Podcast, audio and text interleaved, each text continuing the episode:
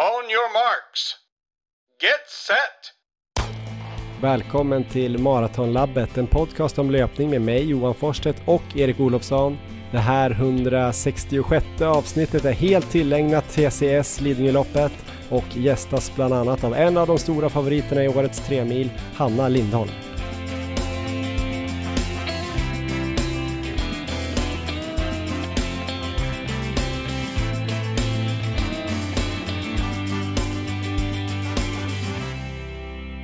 Ja, då ska ni alltså vara varmt välkomna till avsnitt 166 av Maratonlabbet. Det här är alltså ett bonusavsnitt som helt kommer handla om eh, TCS Lidingöloppet. Eh, TCS Lidingöloppet är egentligen inte bara ett lopp utan det är ju flera lopp som avgörs helgen 22 till 24 september i år.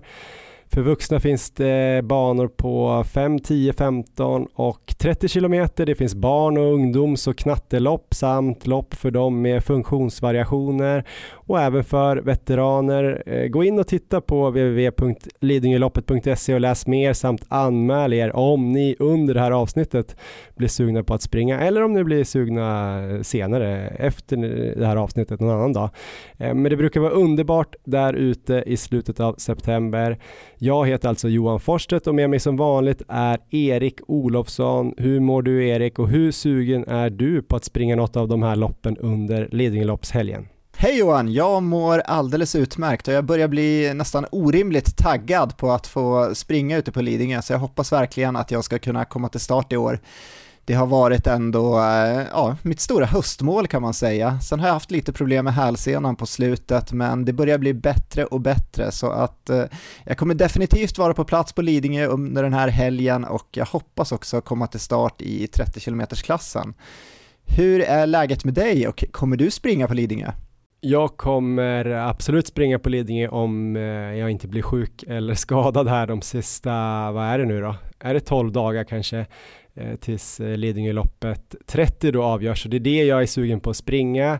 Eh, har blivit eh, mer och mer taggad här sista veckorna på att återigen utmana tre milen.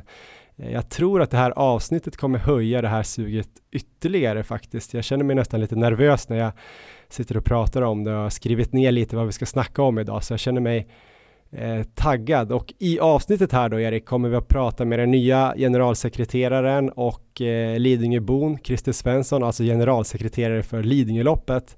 Eh, vi kommer att prata med svenskan med den bästa tiden hittills på Lidingöloppet 30 och en av de stora favoriterna till seger i årets lopp. Eh, Hanna Lindholm heter hon. Dessutom kommer vi prata med Andreas Running Mood Mattsson som i fjol sommar sprang fem varv på tremilsbanan i rad.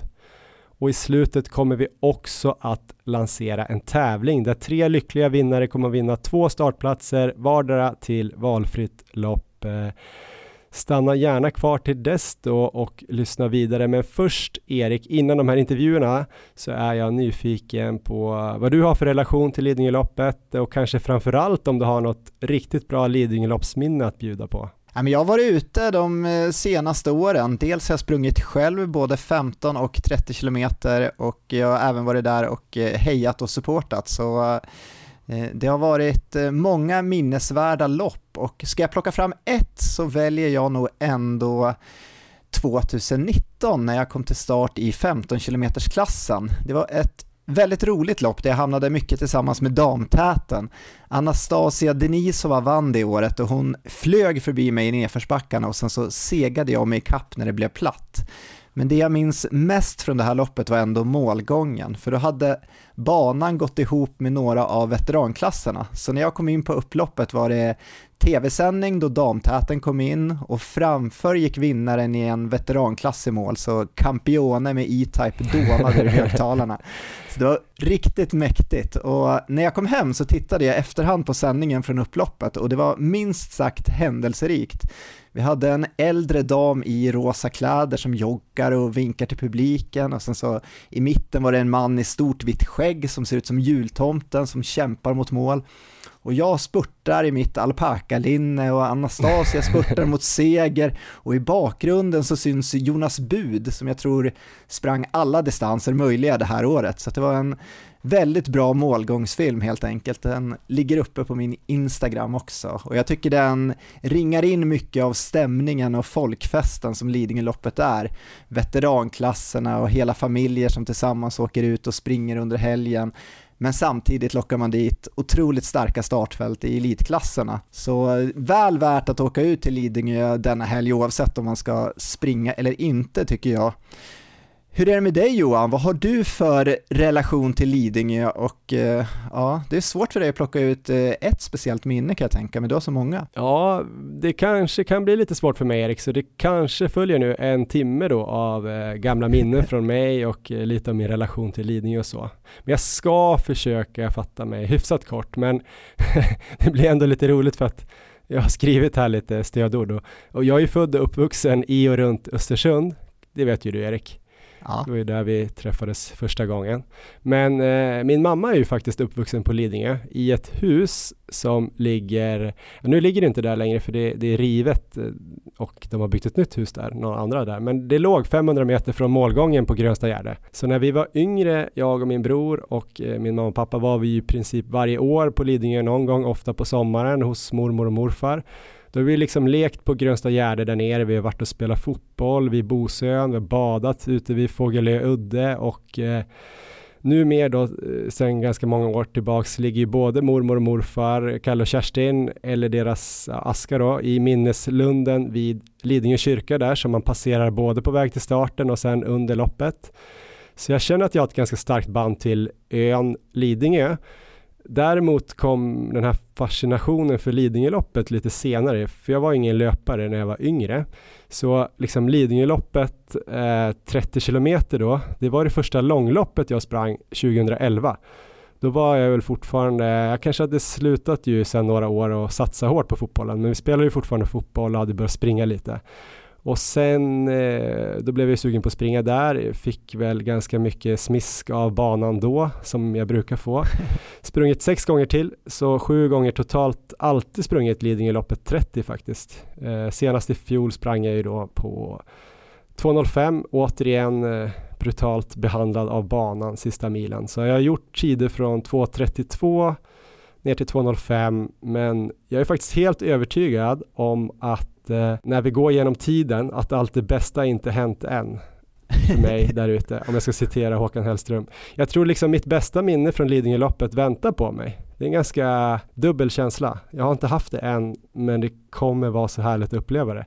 För hittills har jag ju mer starka minnen ska jag säga. Jag vet inte om de är bra. men eh, Lidingöloppet för mig har ju ganska ofta handlat om ben som inte har burit mig hela vägen runt banan och framförallt då sista milen. Jag vet inte hur många gånger jag har sprungit bra första 20 men sen kroknat då mellan Grönstabacken och Abborrbacken. Krampat, eh, helt tagit slut bara plötsligt. Eh, ja, det är typ varje gång nästan. Så jag vill ju typ inte ens prata om det för att eh, det känns som att det skulle kunna hända igen om jag snackar om det. Men, men det är också det som är lite tjusningen med Lidingöloppet för mig, att det, det finns någon hatkärlek där till själva banan. Den är väldigt vacker, härlig att springa, varierande, men också väldigt krävande och eh, ställer liksom högre krav på att ha en bra taktik, eh, men också kanske vara lite lyhörd till hur kroppen känns, olika delar och sådär. Men ja, så mycket starka minnen, men de är inte så himla happy. Mer än att jag tycker alltid att det är roligt att vara där och eh, det är alltid härlig stämning. Men eh, också kul lopp, för jag tycker att just eftersom det är så varierande terräng och backigt och så platt på vissa ställen, inga sådana här jätte berg liksom. Och det är långt men inte jättelångt, så det känns som att det är ett lopp så här där löpare med olika specialiteter kan liksom utmana varandra på lite samma villkor. Det brukar ju vara lite orienterare som springer bra där och sådär som kanske inte springer så himla ofta eh, asfaltsmaror och sådär. Så det tycker jag är kul. Så där har du min relation och mina bästa eller mina starkaste minnen. Ja, jag har ju fått uppleva det här på plats flera gånger också när jag har eh, stått på sidan och sett dig springa och jag har varit väldigt hoppfull där när du har passerat Grönsta Gärde vid flera tillfällen och tänkt att i år kommer det hända, i år kommer han fixa det. Men eh, sista milen så har det alltid hänt någonting som har gjort att du har tappat. Men eh, det är väl, man kan säga att det är en följetong som har varit med under de här sex åren när vi haft podden. Dina försök att eh, kanske göra då sub 2 på Lidingöloppet 30, så att eh, en dag tror jag att det kommer ske och eh, kanske redan i år. Ja, vi får väl eh, se. En som har sprungit bra på Lidingö också, som har bott på Lidingö hela sitt liv och har väldigt många minnen därifrån, det är ju Lidingöloppets eh, från i år då, nya generalsekreterare. Han heter Christer Svensson och eh, vi tänkte att vi skulle stämma av lite med honom om eh, hur han ser på eh, Lidingöloppet och eh, årets upplaga. On your marks. Get set! Ja, men då säger vi välkommen till eh, Christer Svensson till Maratonlabbet. Hur är läget? Ja, men det tackar jag för. Det känns eh, bra. Det är full fart här. Det är två veckor kvar till lopp och eh, man börjar bli, få den där lilla sköna anspänningen.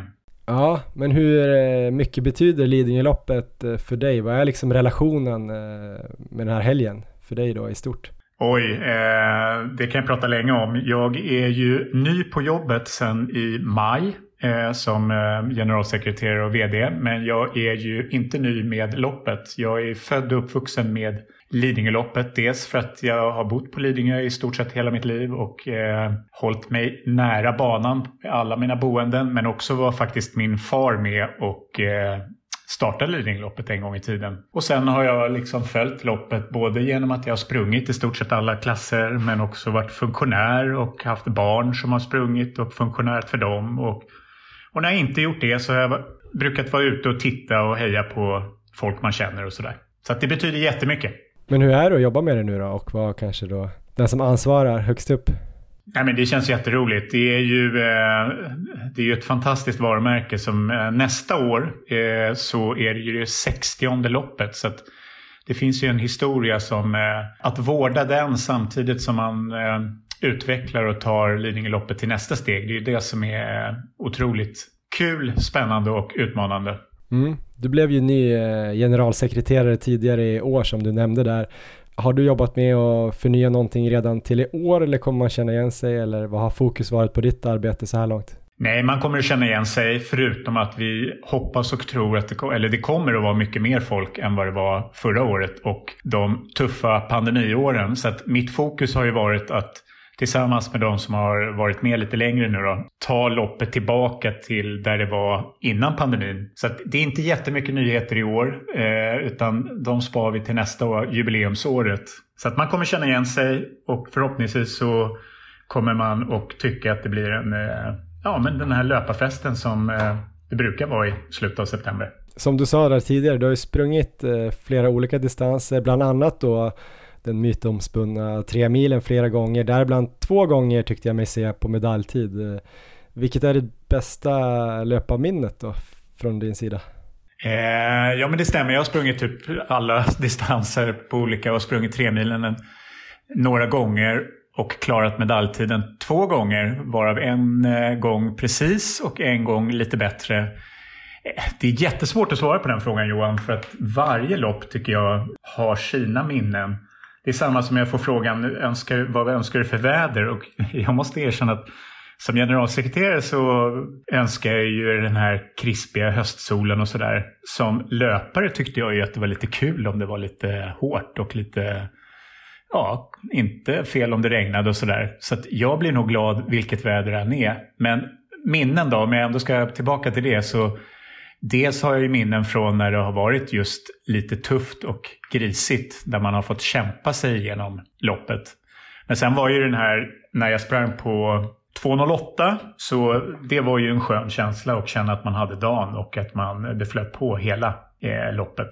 Ja men Lidingöloppet är ju inte bara tre milen då, även om det är den som är mest känd. Eh, det finns ju många andra lopp under helgen där. Vilka andra finns och varför ska man springa något av de andra? Ja, men det är ju, eh, vi, vi kallar det för TCS Lidingöloppshelgen och det är ju för att det börjar redan på fredagen och, och det är ju Även om man kanske inte kan springa själv då så är det ju en fantastisk upplevelse att vara där och titta på skolstafetterna och det som heter Rullet och ruset där vi välkomnar alla till det loppet, de som också har funktionsvariationer. En fantastisk härlig glädje som är vi brukar ha haft Markoolio eller Dogge, Doggelito som delar ut priser efteråt och det är, det är fantastiskt att, att vara med. där. Så att fredagen rekommenderar jag som publik att komma ut och titta på Lidingö. Sen har vi lördagen när vi har då 30 såklart, men vi har också 15 och eh, veteran och juniorklasser. Så att det är full fart hela dagen. Och sen söndag så har vi ju lilla Lidingöloppet och Knappeloppet. eh, för att avsluta helgen med Rosa bandet-loppet som är 10 kilometer som ju är en eh, öppen klass för både herrar och damer. Så eh, det kan man också jättegärna springa. Det är många som frågar mig, men tre mil, det är ju för långt. Ja, men vi har faktiskt lopp från 4 kilometer, eller egentligen från 1,7 kilometer upp till 30 kilometer. Men för vuxna är det från 5 kilometer upp till 30 kilometer. Just det, och eh, 10 km loppet, visst är det bara sista milen då, eller bara, men alltså det är sista milen från Grönstad till Grönstad så att säga. Ja, ja men exakt. Det är ju, där har man ju chansen att få springa den då klassiska sista milen som blir den första och enda milen om man springer det loppet. Men, men det är exakt samma bana, vilket uppskattas av många. Skönt att få springa den med fräscha ben, det har ju absolut aldrig hänt. Jag har aldrig sprungit den milen utan kramp tror jag. Nej, precis. Jag brukar ju träna genom att springa den och det är ju en helt annan känsla när man får starta med fräscha ben och även komma till abborrbacken med någorlunda fräscha ben. Så det, det, är, liksom, det är lite roligt att prova det också. Mm. Att komma dit med fräscha ben kanske är mitt drömscenario här 23 september, men vad är ditt drömscenario för hela den här helgen då, 22 till 24 september? Nej, men det är ju att det blir den här eh, folkfesten som vi hoppas. Mina kollegor på andra lopp eh, indikerar ju att vi är på väg tillbaka till innan pandemin med antal deltagare och så och det hoppas vi också på. Det ser bra ut anmälningsläget just nu. Så att, eh, det finns fortfarande såklart chansen att anmäla sig. Jag hoppas att det ska bli en folkfest. Lite lagom eh, värme i luften. Kanske den här lilla solen som tittar fram då och då. Och att, ja, att man ska få se alla glada löpare men också glad publik längs banan. Det låter ju superhärligt. Jag längtar redan. Stort tack Christer för att du vill vara med i Maratonlabbet. Tack Johan, det var kul. Ja, det där var Christer Svensson, alltså äh, känns tryggt att det är en genuin Lidingöbo och löpare som eh, har tagit över eh, kaptenskapet på den där skutan där ute. kul att snacka lite med honom och ja, Erik, du har ju sprungit 15 kilometers sträckan. Blir du sugen på att springa något annat också i framtiden? Ja, jag har ju faktiskt sprungit eh, 10 kilometer en gång också och det var i slutet av 90-talet. Det var i juniorklassen då, Mustafa Mohammed var med i samma lopp och en av oss vann loppet och den andra bröt i abborrbacken. Så jag behöver inte nämna vem, vem som gjorde vad, men eh, jag tycker det låter positivt i den här intervjun. Jag är riktigt taggad nu, vi är på väg tillbaka som det var innan covid med många anmälda och det ser ju ut att kunna bli en riktig folkfest där och jag tycker ändå att fjolåret också blev en succé. Det var, eh, det kändes redan då som, eh, som en riktig folkfest så nu tar vi och steppar upp det ännu ett steg.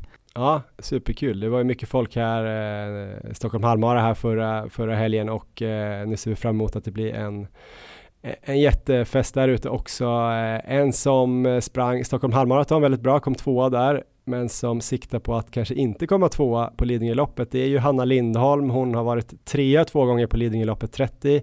I år satsar hon på att vinna kan jag säga och eh, ni kommer få höra lite mer här från Hanna Lindholm själv. Eh, varsågoda. On your marks. Get set. Ja, men då säger vi varmt välkommen till Hanna Lindholm till Maratonlabbet återigen. Hur är läget? Eh, det är bra. Väldigt bra. Tvåa i Stockholm halvmaraton i helgen, vinnare av den här Adidas-touren. Tävlat mycket på sistone. Göteborgsmaran där, jubileumsmaran vann du. Var det första gången du vann en maraton någonsin? Jag tyckte jag såg någonting om det. Ja, precis. Jag har faktiskt aldrig vunnit någon förut. Eh, det är ju alltid så att man, man springer sådana här jättestora maror. Eh, och eh, ja, då är det ju lite svårare att, att ta en vinst. Ja, verkligen. Först och främst här, eh, vad är din relation till Lidingöloppet och, och Lidingö eller runt om? Eh, jag har alltid, jag har alltid gillat Lidingöloppet. Eh, det var ju ett av, också ett av de första loppen som jag sprang, kanske det tredje tror jag sen jag sprang första gången så har jag ju alltid återkommit, eh, ja, mer eller mindre nästan varje år, men det har ju varit på kortare distanser eh, vissa år. Jag, jag ogillar nog loppet lika mycket som, som jag tycker om det, för det är ju verkligen så irriterande jobbigt för både ben och, ben och skalle hela vägen. Just på tre milen har jag hittat några olika resultat och som du säger, du sprang ju det i början av din eh, löparkarriär eller vad man ska kalla det och en gång sprang du ju på liksom 2.45 men du är också den bästa svenska damtiden någonsin. Det måste ha varit lite olika upplevelser för dig där ute. Eh, ja, alltså det är jätteskillnad. När jag sprang de första gångerna då eh, hade jag ju inte en lika trevlig upplevelse liksom. Eftersom jag inte var, var eh, alltså, tränad för distansen. För jag tror första gången som jag sprang så låg jag och skakade hela natten efter och kunde inte äta. Men eh, ja, eh, nu, nu är det lite annan liksom, approach på det när jag, när jag springer kanske. Men berätta lite mer om, om det då, det lät ju spännande. Vad hade du gjort då eller inte gjort? Alltså tog du inte så mycket eller hade du inte käkat? Eller? Nej, alltså jag hade ju, alltså när jag sprang den första gången på 2.29, det var 2008 och då eh, hade jag ju aldrig sprungit 30 kilometer innan. Det längsta jag hade sprungit var ju Stockholm halvmaraton där några veckor innan. Och eh, jag hade helt enkelt inte kört några långpass. Och eh, det jag kommer ihåg är att jag, hade, jag sprang i vindjacka och hade rosa iPod och eh, hörlurar med sladd. och så kommer jag ihåg att jag lyssnade på Beyoncé. Men ja, eh, det där fångades faktiskt på ett foto som eh, blev som en affisch på Runner Store på Vasagatan sen och som satt där två, efter, två år efter som reklam för eh, Lidingöloppet. så att om man vill se mig springa som motionär i, i jack och hörlurar så får man kolla i arkivet från 2008. det ska vi verkligen göra. Jag ska skicka den till eh, Claes Åkesson också. ja. Vet han om att den finns? Nej, det vet han inte.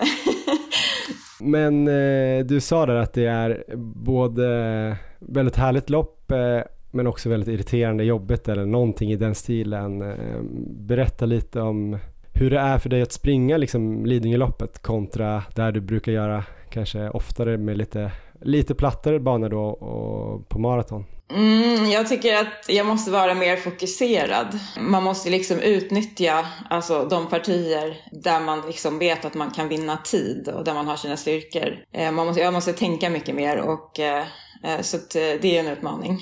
Det är väl det jag har svårt för kanske också med Lidingöloppet, att jag känner ofta när jag går i mål att jag kanske inte har fått ut allting. Det verkar du ha sagt efter det här loppet när du sprang på 1.52.57 att du kände att det släppte mot slutet och att du kanske hade haft mer att ge. Men eh, vad beror det på då? Eller vad berodde det på då till exempel? Eh, just det loppet, då hade jag ju lite battle med eh, en etiopiska nästan hela vägen. Men sen fick jag någon svacka några kilometer mot slutet tror jag.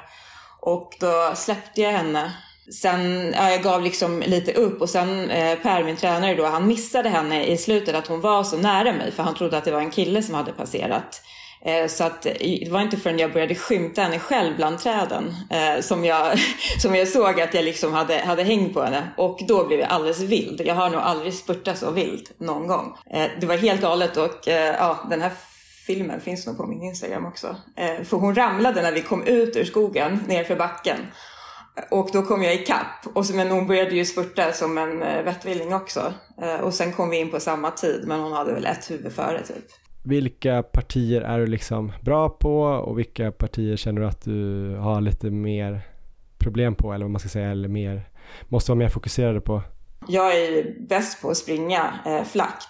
Eh, så att eh, jag brukar försöka utnyttja de partierna att liksom hålla så hög fart som möjligt eh, som jag liksom gör på asfalten. Jag, jag vill helst inte gå, alltså ta ut mig liksom uppför för mycket. Eh, men sen så eh, beror det ju också lite på hur loppet utvecklar sig och vilka man har att, att springa mot också. Men eh, min största styrka är nog att jag inte har något problem att hålla energin uppe hela distansen också ja, det är väl min största fördel mot, mot dem jag springer mot i just Lidingöloppet. Men du tänker i alla fall att du springer liksom i princip eh, din, vad ska man säga, din två timmars fart på flackt underlag på de platta partierna och eh, sen anpassar lite i backarna eller hur ser, Hur, hur tar du backarna? Ja, men backarna får man nästan ta lite på känsla. Jag brukar försöka trycka på nerför, men eh, men det är ju också, eh, alltså, jag tycker att det är lite läskigt. Jag är rädd att trampa snett och sådär. Så att jag, jag är ju inte så duktig teknisk heller. Så att det, ja, jag tycker det är lite läskigt nedförsbackarna. Så där kan jag nog liksom eh, ha mer att vinna om jag övar lite på det faktiskt. Men det känns som att du är en väldigt eh, stark liksom, tävlingsmänniska och kanske så här eh, kvinna mot kvinna. Att det, som du sa där, att det kan växa ut horn på dig. Hur är det då på Lidingöloppet när man känner att man kanske har lite olika kvaliteter där några är jättebra utför, någon sticker iväg uppför och du kanske kommer på platten. Är det liksom svårt att tävla på Lidingöloppet eller hur tänker man där? Du kan kanske inte hänga på alla som du skulle vilja i alla partier. Nej, precis. Och det är jättesvårt också att, eh, att bestämma med någon att man ska springa ihop. Eh, jag har nog aldrig liksom, haft en hare där eller, något, eller bestämt med någon kille att jag ska springa eh, ihop. För att det, eh, just för att det är så varierat. Eh, så det blir väldigt ryckigt. Jag tycker det ofta är så att man, man springer om varandra liksom, hela tiden. Sådär. Men du var ju trea i loppet både 2018 och 2019. 2019 eh, sprang du på 1.52.57 när du spurtade där på, på slutet och det var ju den bästa svenska damtiden hittills i loppet eh, av någon svenska. Eh, hur nöjd är du liksom med den prestationen? Mm, nej, men jag är jättenöjd med den tiden eh, och, eh, och loppet också. Eh, det är ju inte riktigt svenskt rekord, men man får ju vara lite stolt över att man har ett inofficiellt svenskt rekord i alla fall. Eh, jag har ju ett på 50 kilometer också. När man inte har några riktiga får man passa på att ta lite låtsasrekord. nej, men jag, ja, nej, men jag är verkligen nöjd med det loppet och eh, jag tror att jag slog eh, Johan Olsson då också, eh, före detta skidåkaren, i samma lopp. du har inte sprungit eh, tre milen sedan 2019. Det har ju varit lite pandemi och något år var det väl 15 kilometer som var elitklassen som du sprang. Nu är det snart dags igen. Eh, vad tänker du liksom inför årets lopp? Är det högprioriterat? Du brukar ju springa mycket tävlingar men kommer du ladda ordentligt för Lidingö? Eh, ja, men det kommer jag. Jag skulle ha sprungit förra året. Jag var, jag var i jättebra form då men då fick jag eh, covid samma vecka. Så att jag var, jag var väldigt irriterad över att jag inte kunde vara med så att jag klarade inte ens att kolla resultaten förrän efter några dagar. eh, så att jag är ganska revanschsugen eh, i år. Men sen, ja, nej, man vet ju inte riktigt vad Eh, motståndet är i för form heller. Eh, men jag skulle säga att jag har i alla fall prioriterat det här loppet väldigt mycket för jag hoppas att jag kommer ha väldigt pigga ben till dess. Nu när jag har tävlat de senaste veckorna så, så har det bara varit på ganska trötta ben. Kommer ni liksom släppa upp på träningen? Jag vet att du ändå tränar rätt mycket volym när du släpper upp men kommer det vara liksom en ordentlig nedgång sista veckan där? Eh, ja, alltså nu har jag haft några veckor som inte har varit så mycket, bara 13-14 mil. Eh, och, eh, men det är också för att jag har, har tävlat en del. Men eh, eh, den här veckan så är väl planen att jag ska springa i alla fall 16 mil. Eh, så det blir en ganska rejäl vecka till. Och sen nästa vecka när loppet är så då kommer jag släppa rejält. Jag har sett att du också varit ute och tränat på Lidingö i spåret. Gör det något speciellt då och eh, vad ger det dig liksom?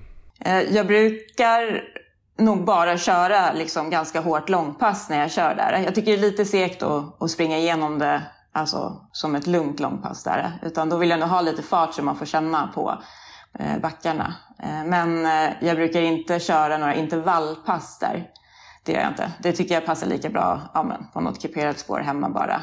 Så, ja, nej, så det blir väl, brukar bli två, två pass där ute där jag springer igenom hela banan. Eh, och eh, det, alltså det, det som är bra med det, det är liksom att man fräschar upp minnet lite varje, varje lopp vissa partier kommer. Och det ger också ett litet sug efter själva, själva tävlingen också. Om man springer och tänker lite på när man kommer upp för den här backen ska jag tänka på att trycka och så vidare. Har du varit där ute och kört eh, hela nu också här, här i sommar och vad brukar du liksom sikta på för alltså tid eller hur mycket långsammare än vad du skulle kunna springa på, körde de halvhårda långpassen eller hårda långpassen?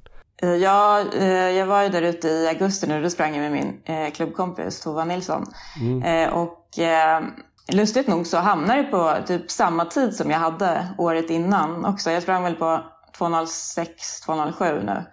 Eh, det, det, liksom, vi bestämmer ingen direkt fart innan utan det, det blir liksom lite på känsla. Alltså när det ska vara, det ska ju vara så att man känner att, att, att man trycker på lite men det ska ju inte vara, vara svinhårt. Så då landade jag väl på typ 4.11 fart tror jag. Eh, men det var, ja, nej, det var liksom ingen, jag tycker det är svårt att, att planera men ofta så, så stagnerar ju klockan till slut lite sådär på någonting. Men har du några tips då eh, på hur man ska ta sig an Lidingöloppet, eh, alltså tre milen då på bästa sätt? Eh, för din del är det ju kanske då springa där det är plattare att springa hårt där. Så jag antar att första milen, eller första 15 framförallt då eh, ändå går snabbare än andra 15 eller hur tänker du där? Ska man liksom buffra upp tid eller? Ja, alltså jag skulle väl säga buffra upp tid men samtidigt om man inte, om man inte är van vid eh, eller kanske inte har sprungit förut så ska man ju inte slösa för mycket energi i början på, på att rusa och zigzacka mellan folk för att springa om och sådär. Men, men eh, själv så eh, föredrar jag nog att buffra lite tid. En annan klassisk eh, debatt höll jag på att säga, brukar ju vara om, om den sista milen med de här tre stora backarna, om det liksom är jobbigare än de här eh, Bosebackarna som kommer andra delen av andra milen. Vad som är värst liksom, vad tycker du är jobbigast eller brukar vara jobbigast? Ja men det är väl mellan, eh, nu ska vi se, 15 och 20 Ja, det är Fågeludde eh, och mellan Fågeludde och Grönsta. Eh, jag tycker det är, det är väldigt eh, Ja, men det, jag tycker det är ett jobbigt parti just för att det liksom känns som det aldrig tar slut. Det bara går upp och ner, upp och ner, upp och ner. men sen så mm, när man väl har kommit upp för Grönsta, alla etapperna där, då tycker jag att man kan, alltså även om man, man är ju trött, men då tycker jag att man kan slappna av lite för att då Nästa gång så kommer abborren och då är det inte långt kvar. Då, är det liksom, då har man typ hittat hem. Du sa ju tidigare att du brukar ha bra energi genom hela det här loppet och du springer ju på en liten bit under två timmar. Liksom, vad har du för energiplan på Lidingö eller vad brukar du försöka få i dig och var? Jag brukar inte vara speciellt tydlig i min energiplan eh, någonsin tror jag. eh, men eh, jag brukar i alla fall alltid ha en en reservgel med mig eh, ifall jag skulle missa någon, någon langning. Men annars så kör jag vatten och gel loppet igenom. Eh, och jag, jag, brukar ha langning ganska ofta. Sen är det inte så att jag alltid tar, eh, tar gel varje gång eller sådär. Men jag är ganska van vid att bara moffa i mig massa gel. Så att eh, jag går nog lite på känsla där. Jag känner så här om Nej, men man känner att ja, men nu behöver jag en. Liksom. Det, det, kan ju vara så, jag, jag, jag, brukar nog inte ta exakt där någon står utan det kan ju vara så att jag väntar två kilometer eller någonting. Eh, jag, tycker, jag tycker det är svårt att tajma känslan i, i, kroppen. Men sen så beror det ju också på, alltså jag vet inte, man kan ju ha en dålig dag med om magen inte, inte klarar så mycket heller. Men oftast så brukar jag, eh, så brukar jag klara. Och jag tror att jag tar nog nästan lika mycket energi på Lidingöloppet som på en mara. För jag tycker att Lidingöloppet känns mer energikrävande. Eh, man får så hög puls i backarna och farten är ryckig. Eh, så ja, trots att det är 12 kilometer kortare så äter jag nog lika mycket. Spännande. Jag har inte sett någon startlista än och som du var inne på så vet man heller inte hur, hur bra tränade de du ska möta är och vilka som satsar hårt och sådär. Men eh, hur stort eh, skulle det vara att vinna Lidingöloppet? Eh, nej men jag tycker det skulle vara jättestort. Alltså det är verkligen någonting jag vill. Eh, och det känns ju som att tremilen eh, för damerna är ju större nu än det vad det var för några år sedan när elitklassen låg på tian. Eh, absolut. Eh, det är ju ett, det är ett världskänt terränglopp. Eh, och jag har kikat lite i startlistan så det är ju som vanligt eh, Sylvia Medogo, kenyanskan från Danmark, som är den svåraste konkurrenten. Hon är ju flerfaldig vinnare. Så. Det är alltid hon som vinner känns det som. Sen vi började podda i alla fall. Eh, ja. Hur ska du kunna ta henne då? Ja. eh, jag, vet, jag ska väl försöka att applicera det jag har sagt. Att man, eh, eh, ja, jag kommer ju springa taktiskt så att jag tror att jag liksom eh, får ut mest av det. Men sen så är det ju, alltså det beror ju på, det kan ju vara, det är väl många fler i, med. Jag har sett många eh, spännande namn. Lovisa Modig var anmäld, Ida Nilsson, Mikaela Arvidsson. Så att, eh, ja. Det beror ju helt på vilka som står på startlinjen också och eh, hur de tänker ta sig an loppet. Men Eh, jag tror att det är ju enklast att, att försöka göra sitt eget lopp. Eh, just eh, eftersom på Lidingöloppet är man ju inte så beroende av, av någon klocka eller tid heller. Det är verkligen eh, man mot man eller vad man ska säga. Ja men stort eh, tack för intervjun Hanna och eh, stort lycka till då om ja, knappt två veckor smäller det ju. Ja, det ska bli superkul. Ja, det där var alltså Hanna Lindholm som sin vana trogen eh, tävlar vidare, tävlar mycket Erik. Eh, hur kul ska det bli att se Hanna Lindholm på Lidingö med fräscha ben? Ja men det blir väldigt spännande om hon nu kommer ha fräscha ben. Det kanske blir någon tävling här helgen innan, det vet man aldrig. Men Hanna kommer springa bra, så mycket kan vi säga. Eh, så att det är kul den här mixen också som du nämnde förut med att det kommer in traillöpare, vi har de bästa maratonlöparna också med och sen så möts de på den här 30 km eh, banan som ändå är ganska kuperad. Så att det är ju väldigt roligt lopp att följa och det kan ju bölja lite fram och tillbaka. Så att det, det lär bli en hård kamp både på dam och herrsidan. Mm, verkligen, hon var inne lite grann på eh, sin taktik där eller att hon brukar springa ändå ganska fokuserat att eh, springa efter sina eh, styrkor, springa snabbt på platten, försöka trycka på utför eh, utan att då trampa snett och ramla eh, och kanske ta ner farten lite uppför. du var inne lite grann när du sprang 15 kilometer där, där året du sprang så himla bra, att, att den här Anastasia Denisova tog dig utför och du kom ikapp på platten. Hur brukar du springa där? Brukar du tänka mycket på att variera hur hårt du springer eller är det mer att det blir som det blir beroende på vad du är bra på? Jag tror jag kommer eh, göra lite annorlunda i år och jag tror jag kommer börja göra lite mer som Hanna är inne på, att utnyttja eh, mina styrkor då.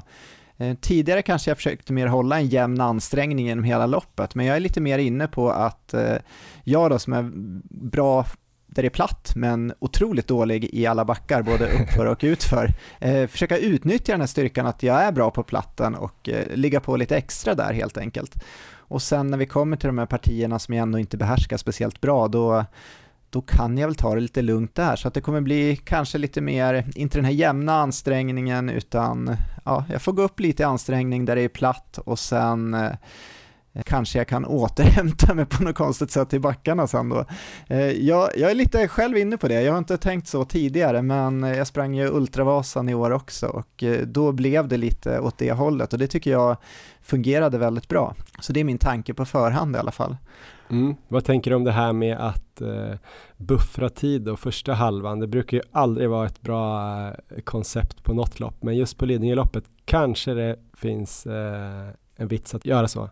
Ja, jo men på Lidingöloppet 30 så är det absolut en bra idé att göra det. Sen, eh, man kan ju inte gå på rött innan den sista milen för att då, då kommer det ju inte hålla, men eh, att hålla jämn fart hela tre milen, det är ju eh, nästan omöjligt för att backarna är ju trots allt brutala, de här tre stora backarna då under den sista milen så att eh, någon minut eller ett par minuter bör man nog ha till godo när man ska gå ut där, ja, från Grönsta och in i mål.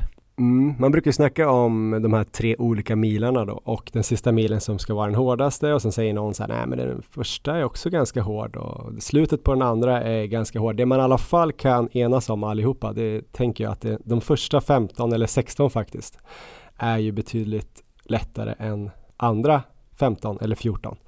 För andra halvan har ju båda de här eh, backarna vid Bosön, den här tvättbrädan som går upp och ner plus de här tre stora backarna på sista milen. Så jag tror absolut att man ska ha lite snabbare tid då ut till Fågelö udde när det är 15 kilometer kvar. Alltså dit ska man ha sprungit snabbare än andra halvan. De flesta, om man inte har överkapacitet och kan ligga, ligga lugnt där och, och sen ändå ha progressivt och en negativ split. Men det är svårt. Och, eh, men sen ska man också komma ihåg att Lidingöloppet är ju lite mer än 30 också.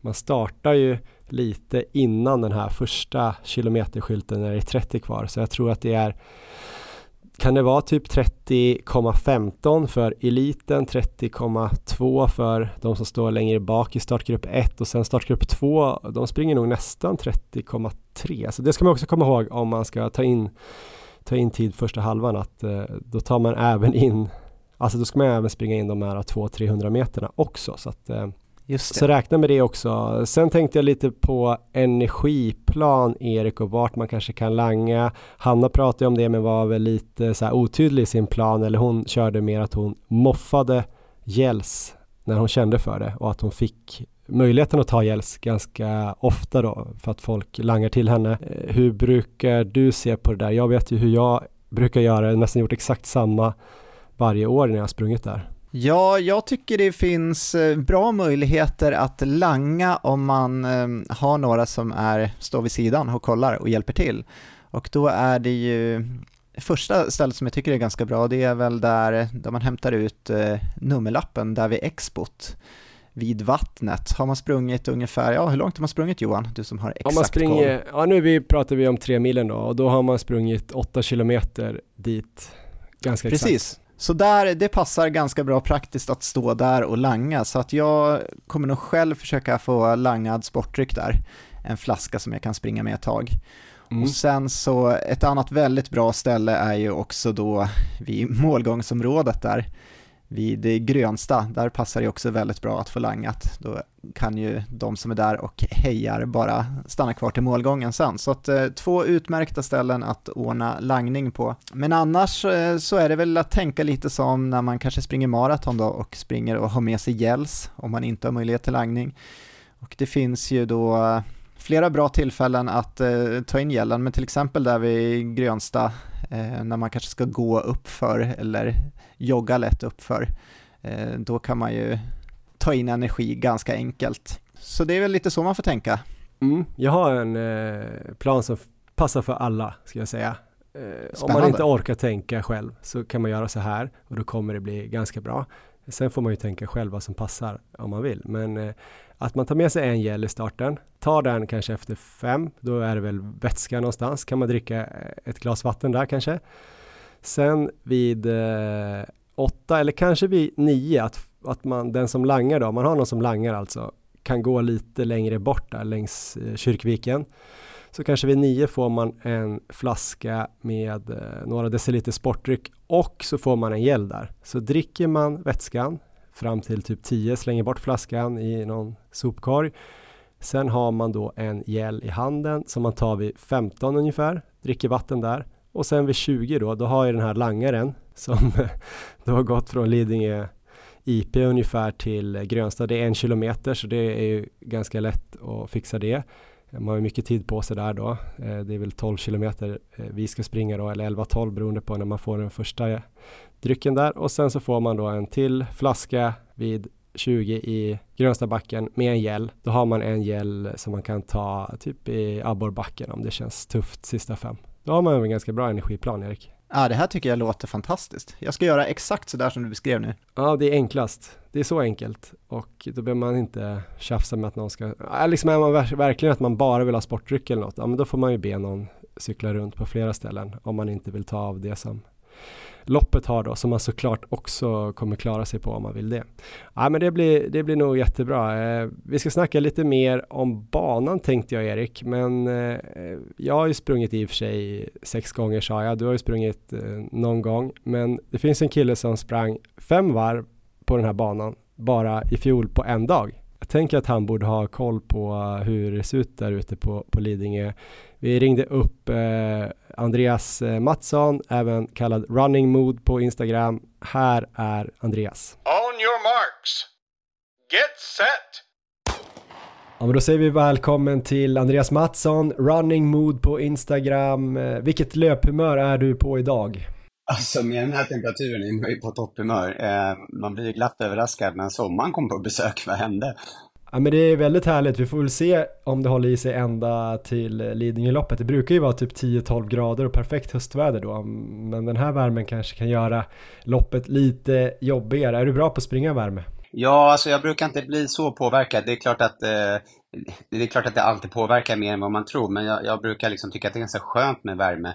Men det som jag ser som positivt inför, inför Lidingöloppet då, eh, det är ju att eh, i bästa fall så hinner ju spåren torka upp ordentligt och så blir de lite hårdare och det brukar ju en del eh, tycka om om man nu vill ha lite fart där. I fjol gjorde du en sak där jag inte vet hur mycket fart du hade, men du, jag hoppas att du hade bra running mood i alla fall, för en dag förra sommaren sprang du alltså tre milen på Lidingöloppet fem gånger i rad. Andreas varvar eh, Lidingö.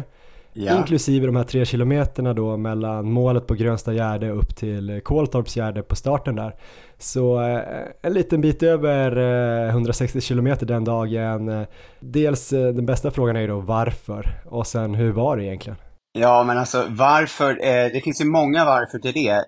en av de största anledningarna var att jag har ju en insamling till UNHCR och då brukar jag eh, hitta på lite roliga grejer kring det och det har blivit någon slags, eh, ja, jag ska inte säga tradition, men nästan att jag hittar på något där det handlar om att varva något. Eh, det har varit lite olika saker som jag har varvat, men den här gången bestämmer jag för att jag ska Lidingö är ju någonting som många, många känner till och att eh, varva den banan, eh, det såg jag som en riktig, riktig, riktig utmaning, eh, vilket det självklart också var. Det var väl egentligen den största anledningen till varför, utöver det här att det är kul och gemenskap och så, men den största anledningen var faktiskt det. Och hur var det då? Hur lång tid tog det och eh, var det många som kom dit och sprang med dig i olika delar av banan?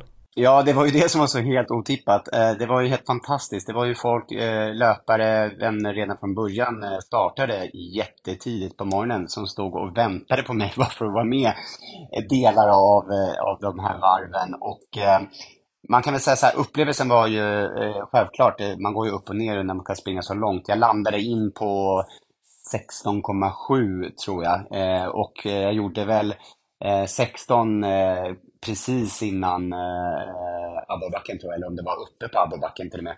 Eh, så det var ju en magisk upplevelse liksom, eh, att ha gjort det. Så det, eh, det, det, var väldigt mycket, väldigt fint spår att springa de här varmen i. I och med att den är så varierad banan så dels så fick man ju liksom springa på olika sätt men sen så fick man ju också uppleva naturen och eh, vackra vyer och sånt. Liksom. Det gör ju oftast lite lättare att, att springa då självklart.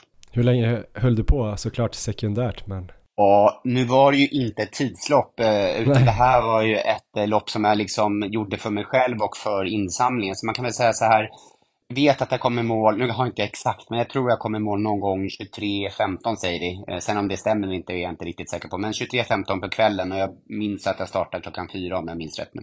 Men du har ju sprungit Lidingöloppet eh, normalt då? Flera gånger tidigare då, tre milen och du har ju även varit med och coachat och haft löpgrupper där ute med Sokoni. Den här dagen förändrades din syn på banan på något sätt? Blev det liksom ännu tydligare vad det var som var jobbigast, lättast, finast, tråkigast och så vidare när man gjorde det fem gånger på rad? Ja, det, det måste jag faktiskt säga för att eh, jag vet att Lidingöloppet är väldigt mytomspunnet och det är väldigt mycket självklart prat om olika typer av backar och vilka backar som är ja, mer utmanande än andra. Men när jag sprang de här varven så fick jag en ny syn på banan i, i form av att eh, jag lärde mig att läsa banan mycket, mycket, mycket bättre och på något sätt försökte utnyttja terrängen istället för att fightas mot den som man, som man kanske hamnar i eh, när man ska springa liksom ett vanligt lopp. Då. Eh, så det måste jag absolut säga att eh, det går att, är man intresserad av att springa Lidingöloppet liksom på ett eh, bättre eller smartare sätt eller enklare sätt så finns de möjligheterna absolut. Men eh, hur är din syn nu då på hur man ska lägga upp det här loppet? Det är många som undrar då om man ska hålla samma fart hela vägen för att nå sitt, sitt mål eller ska man försöka springa in tid eh, på de lättare delarna eller kanske första halvan för att ha tid över till andra halvan? Med alla facit i hand efter att jag har dels sprungit loppet som ett race, alltså tävling om för min egen skull, men sen också då de här varven som jag gjorde för insamlingens skull, så jag ser det mer som en fartlek, eh, hela Lidingöloppet. Eh, för att terrängen är så otroligt varierande. Om jag skulle kuta det nu igen, då skulle jag verkligen göra det som en fartlek. Det vill säga att det skulle vara ganska mycket olika tempon, varierande tempon. Och jag skulle inte försöka hålla samma tempo och jag skulle inte försöka lägga mig, som en del gör, till exempel att de gärna vill starta lite snabbare, ta det lite lugnare i backen, eh, backpartierna och sen som försöka trycka ut det sista på, på sista milen. Utan jag skulle nyttja banan eh, på ett helt annat sätt och verkligen låta pulsen åka upp och ner och det ibland går det långsamt, ibland går det betydligt mycket snabbare. Så att Nej, jag skulle använda det mycket mer som en fartleks, eh, ett fartlekslopp verkligen. Liksom. Du har gjort en sak på Lidingö där som jag kanske är mer avundsjuk på än det här med att springa fem varv i rad. Och det är ju att 2017 sprang du Lidingöloppet 30 på 1.59.40, alltså under två timmar. Eh, hur var det? Jag kanske inte var riktigt lika rutinerad då och det kanske var en fördel. för eh, Jag kanske inte riktigt visste eller hade hört så mycket om hur tufft och, och hårt det var men på något sätt så slog jag bort vad alla sa och så verkligen eh, tryckte jag på det loppet som jag kände var bäst för mig och, och jag sprang ganska ojämnt, eh, måste jag vara ärlig och säga. Och jag tog det väldigt lugnt upp för de här ganska kraftiga backarna och sen så släppte jag på betydligt mycket, mycket mer utför. Eh, så det var väl egentligen grundtaktiken som jag ändå hade. Jag hade en plan att jag skulle verkligen ta det superlugnt uppför, nästan överdrivet lugnt och sen ha kraft i benen och verkligen kunna rulla ut ordentligt eh, i nedförsbackarna. Jättebra. Eh, har du något sista tips då till alla som ska springa något av de här loppen ute på Lidingö om några veckor?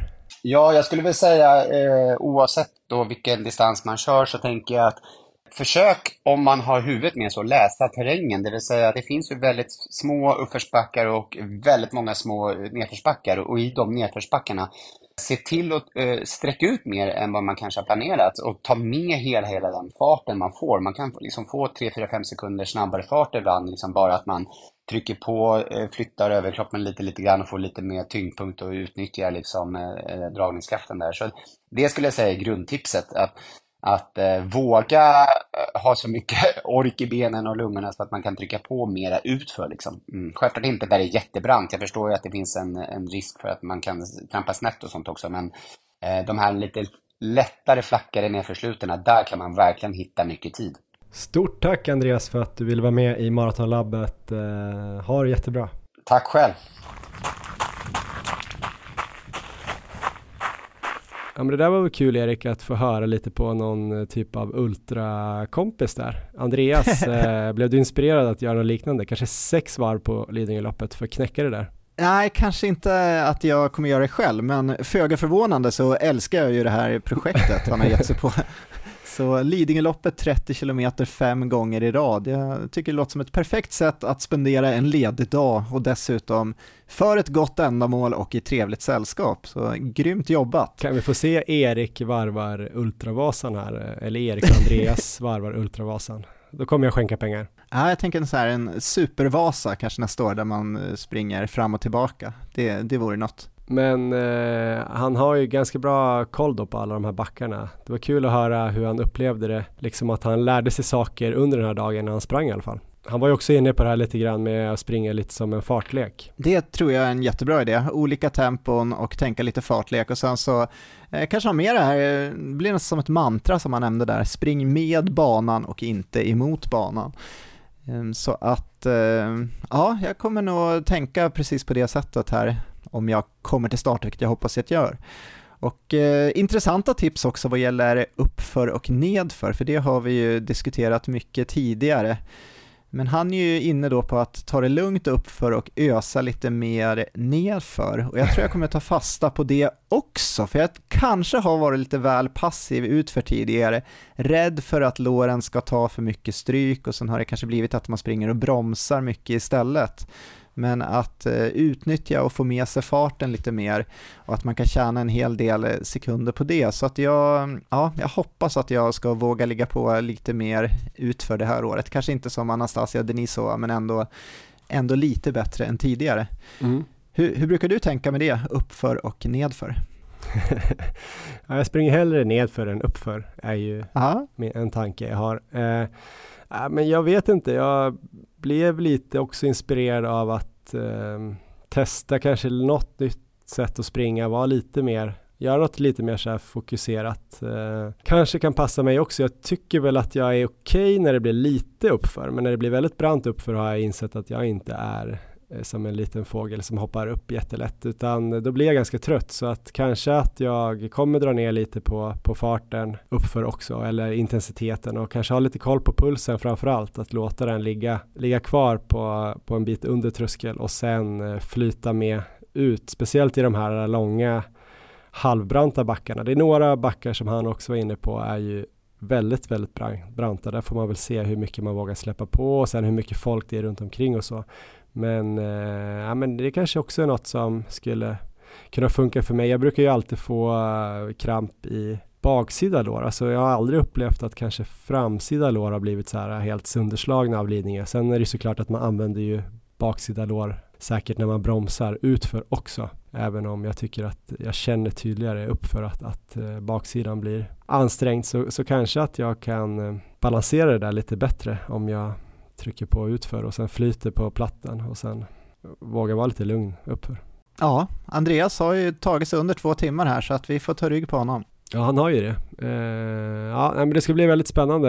Jag ska ut och springa, tänker jag, hela banan nu i, i veckan. Får se när det blir och få se exakt hur jag gör det. Men eh, jag blev sugen redan innan jag pratade med Hanna och när jag pratade med Hanna blev jag ännu mer sugen på att springa genom hela 30 och då kanske köra lite halvhårt. Så får vi väl se. Det får inte bli för nära loppet, men kanske här eh, på torsdag tror jag att jag kommer ta mig ut och sen får jag se då Erik, du kanske har något, eh, någon, någon input där. Jag funderar antingen på bara dra igenom hela i ett eh, halvhårt tempo, alltså kanske så här eh, 90% av eh, eh Lidingö loppsfart, vad det nu blir. Lite som Hanna då, att så här, eh, man hittar ett tempo som är lite långsammare än max men att det är liksom lite jämn intensitet hela vägen. Eller så starta lite mer tävlingslikt, kanske första milen eller kanske till och med första 15 och sen eh, fortsätta springa då lite på trötta ben men dra ner på intensiteten andra halvan så att jag får liksom testa lite hur